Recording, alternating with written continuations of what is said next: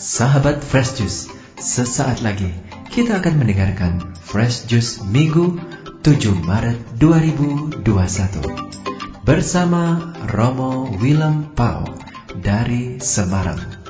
Selamat mendengarkan.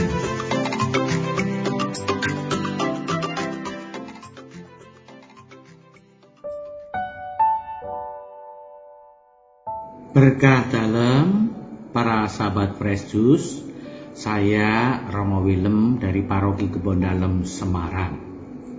Marilah kita menyeruput jus segar rohani. Kali ini saya beri nama Sang Bait Allah Sejati. Racikan dari jus segar ini yang utama berasal dari kutipan Injil yang diwartakan di gereja Katolik seluruh dunia hari ini, yakni dari Injil Yohanes bab 2 ayat 13 sampai 25. Demikian bunyinya.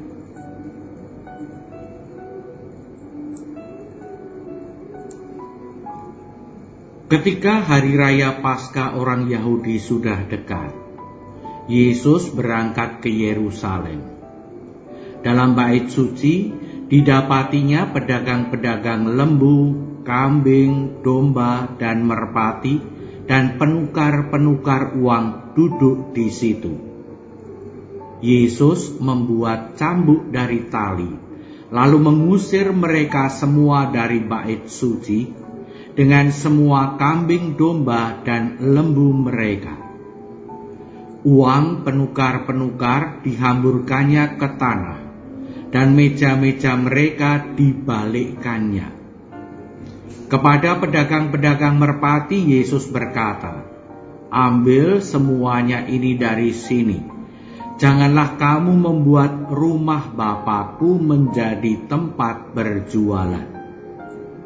Maka teringatlah murid-muridnya bahwa ada tertulis, cinta untuk rumahmu menghanguskan aku.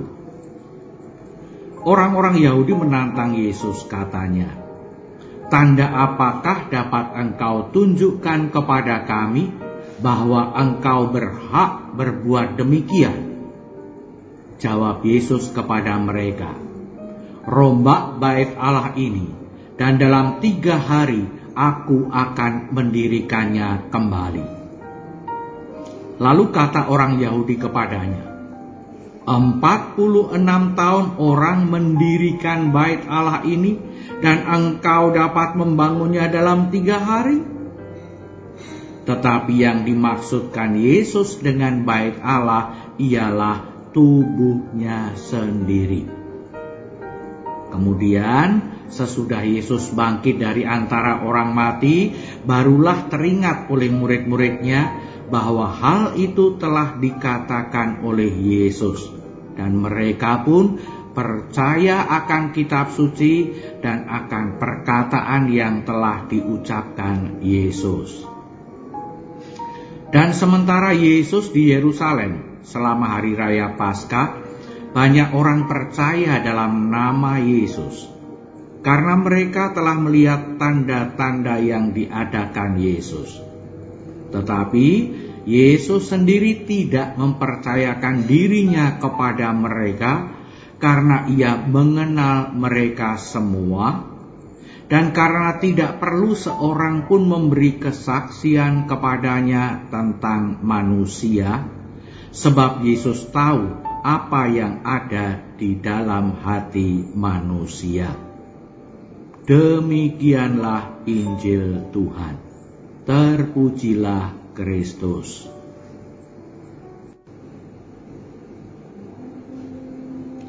Para sahabat Fresh Juice, di mana kita berjumpa dengan Tuhan? Jawabnya semua sudah tahu di mana-mana. Bumi seisinya ini ciptaan Tuhan. Tuhan bisa hadir di mana-mana. Tuhan bisa hadir kapan saja maka kalau kita mau menjumpai Tuhan, pada dasarnya kita dapat menjumpainya di mana pun juga. kita dapat berseru kepadanya di mana pun juga. Pada saat Musa memimpin bangsa Israel keluar dari tanah Mesir, lalu mengadakan perjalanan di padang gurun. Saat itu Tuhan menyertai bangsa Israel dalam bentuk tiang awan. Nah, Musa kemudian berinisiatif membangun yang namanya kemah suci. Di atas kemah suci itulah tiang awan itu senantiasa berdiri tegak. Kemah suci menjadi tempat di mana bangsa Israel dapat berjumpa dengan Tuhan, dapat mengeluh kepada Tuhan, dapat menyampaikan isi hati kepada Tuhan. Maka setiap orang datang ke kemah suci itu secara khusus untuk membangun relasi dengan Tuhan. Tentu saja Tuhan tidak kemudian dibatasi hanya bisa hadir di kemah suci. Kita ingat beberapa kali dalam perjalanan bangsa Israel di padang gurun, misalnya ketika Musa memukulkan tongkat ke batu karang, lalu batu karang itu mengeluarkan air. Itu Tuhan juga hadir dan menyertai. Dan di kemah suci itu kalau bangsa Israel berpindah tempat tentu saja kemah sucinya juga dicabut, dibongkar, kemudian di tempat yang baru mereka akan berhenti lalu membangun kembali kemah sucinya. Para sahabat Yesus, saat bangsa Israel sampai di tanah terjanji, sampai juga ketika mereka mencapai kejayaan di bawah Raja Daud, kemah suci masih menjadi tempat istimewa Tuhan hadir, Tuhan menyertai bangsa Israel.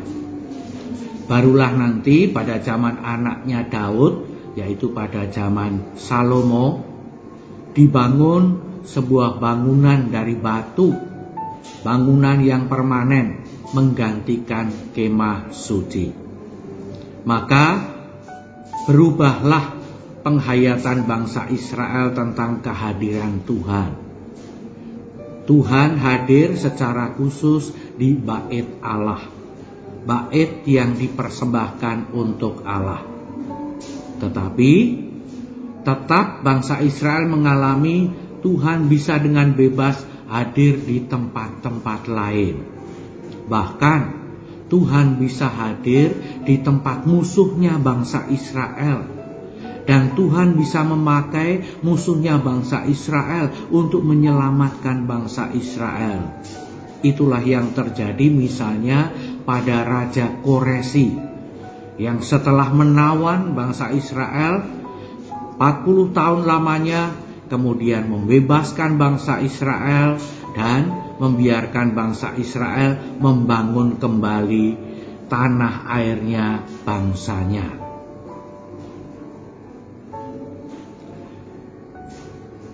Para sahabat Yesus, kurang lebih seribu tahun bangsa Israel secara khusus menghayati kehadiran Tuhan itu di dalam kemah suci dalam bait suci.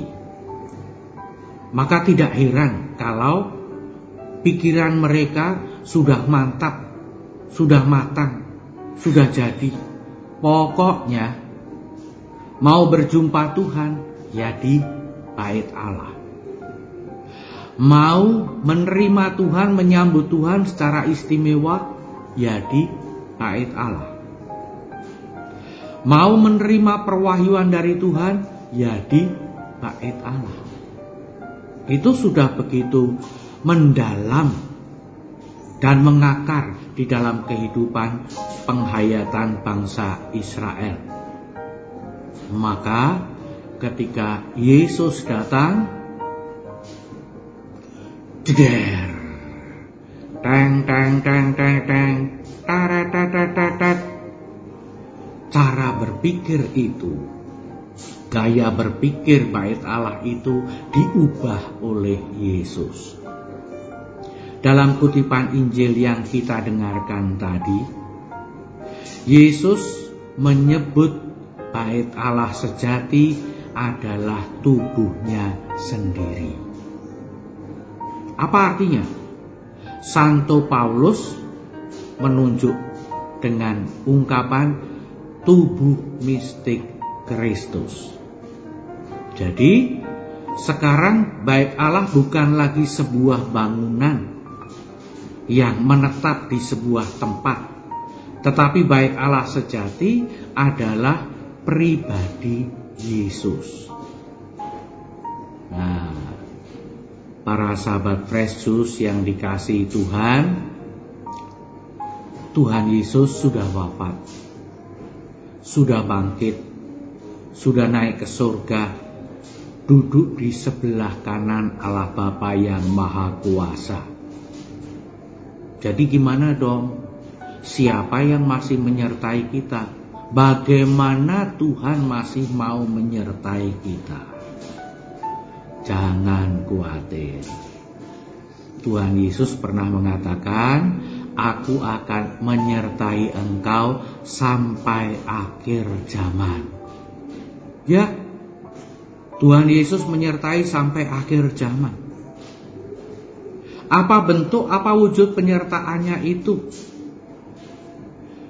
Ketika Tuhan Yesus mengatakan bahwa bait ini akan kubangun dalam tiga hari ia menunjuk kepada tubuh mistiknya sebagai bait Allah sejati.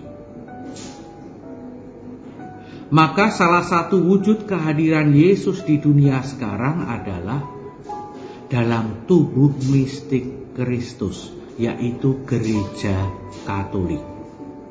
Itu salah satu ya.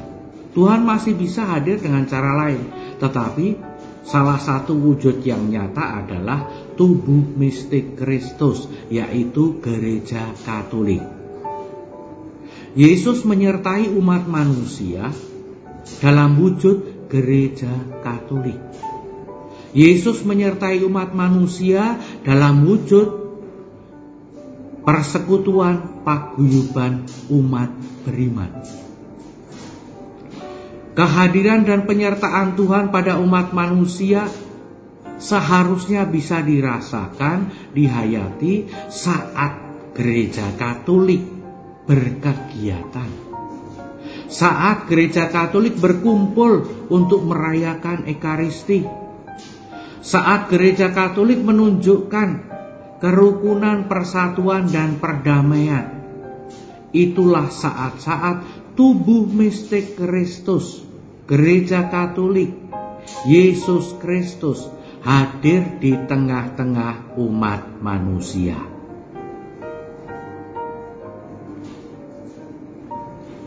Para sahabat Yesus, mohon diperhatikan.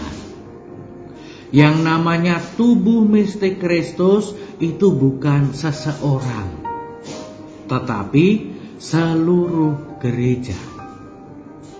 Maka kurang tepatlah kalau ada orang mengatakan saya sudah dibaptis, saya sudah bersatu dengan Kristus.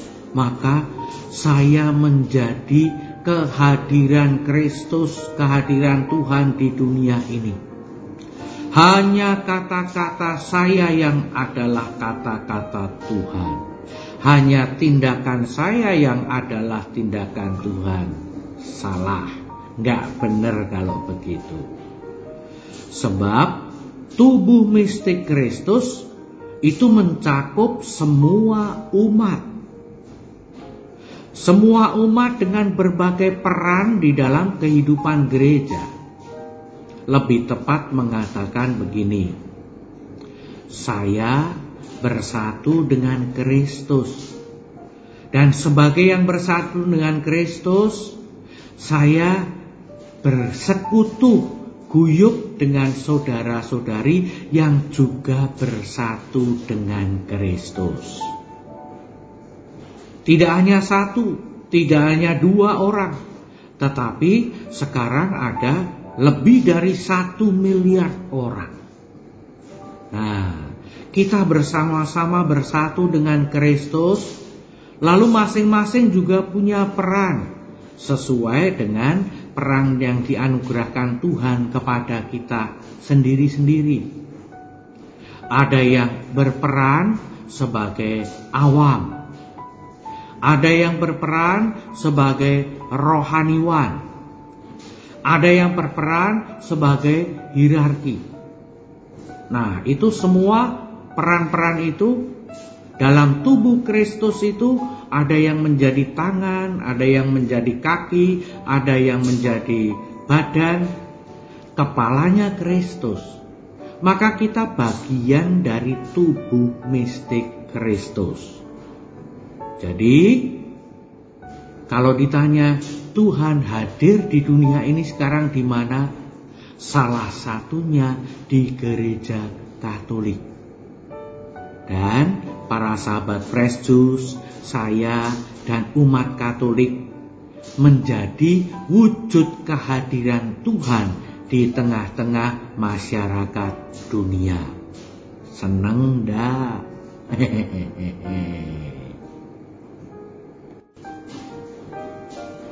Para sahabat Juice, kapan gereja Katolik menjadi tanda yang kelihatan dari tubuh mistik Kristus, sang bait Allah yang sejati di dunia ini.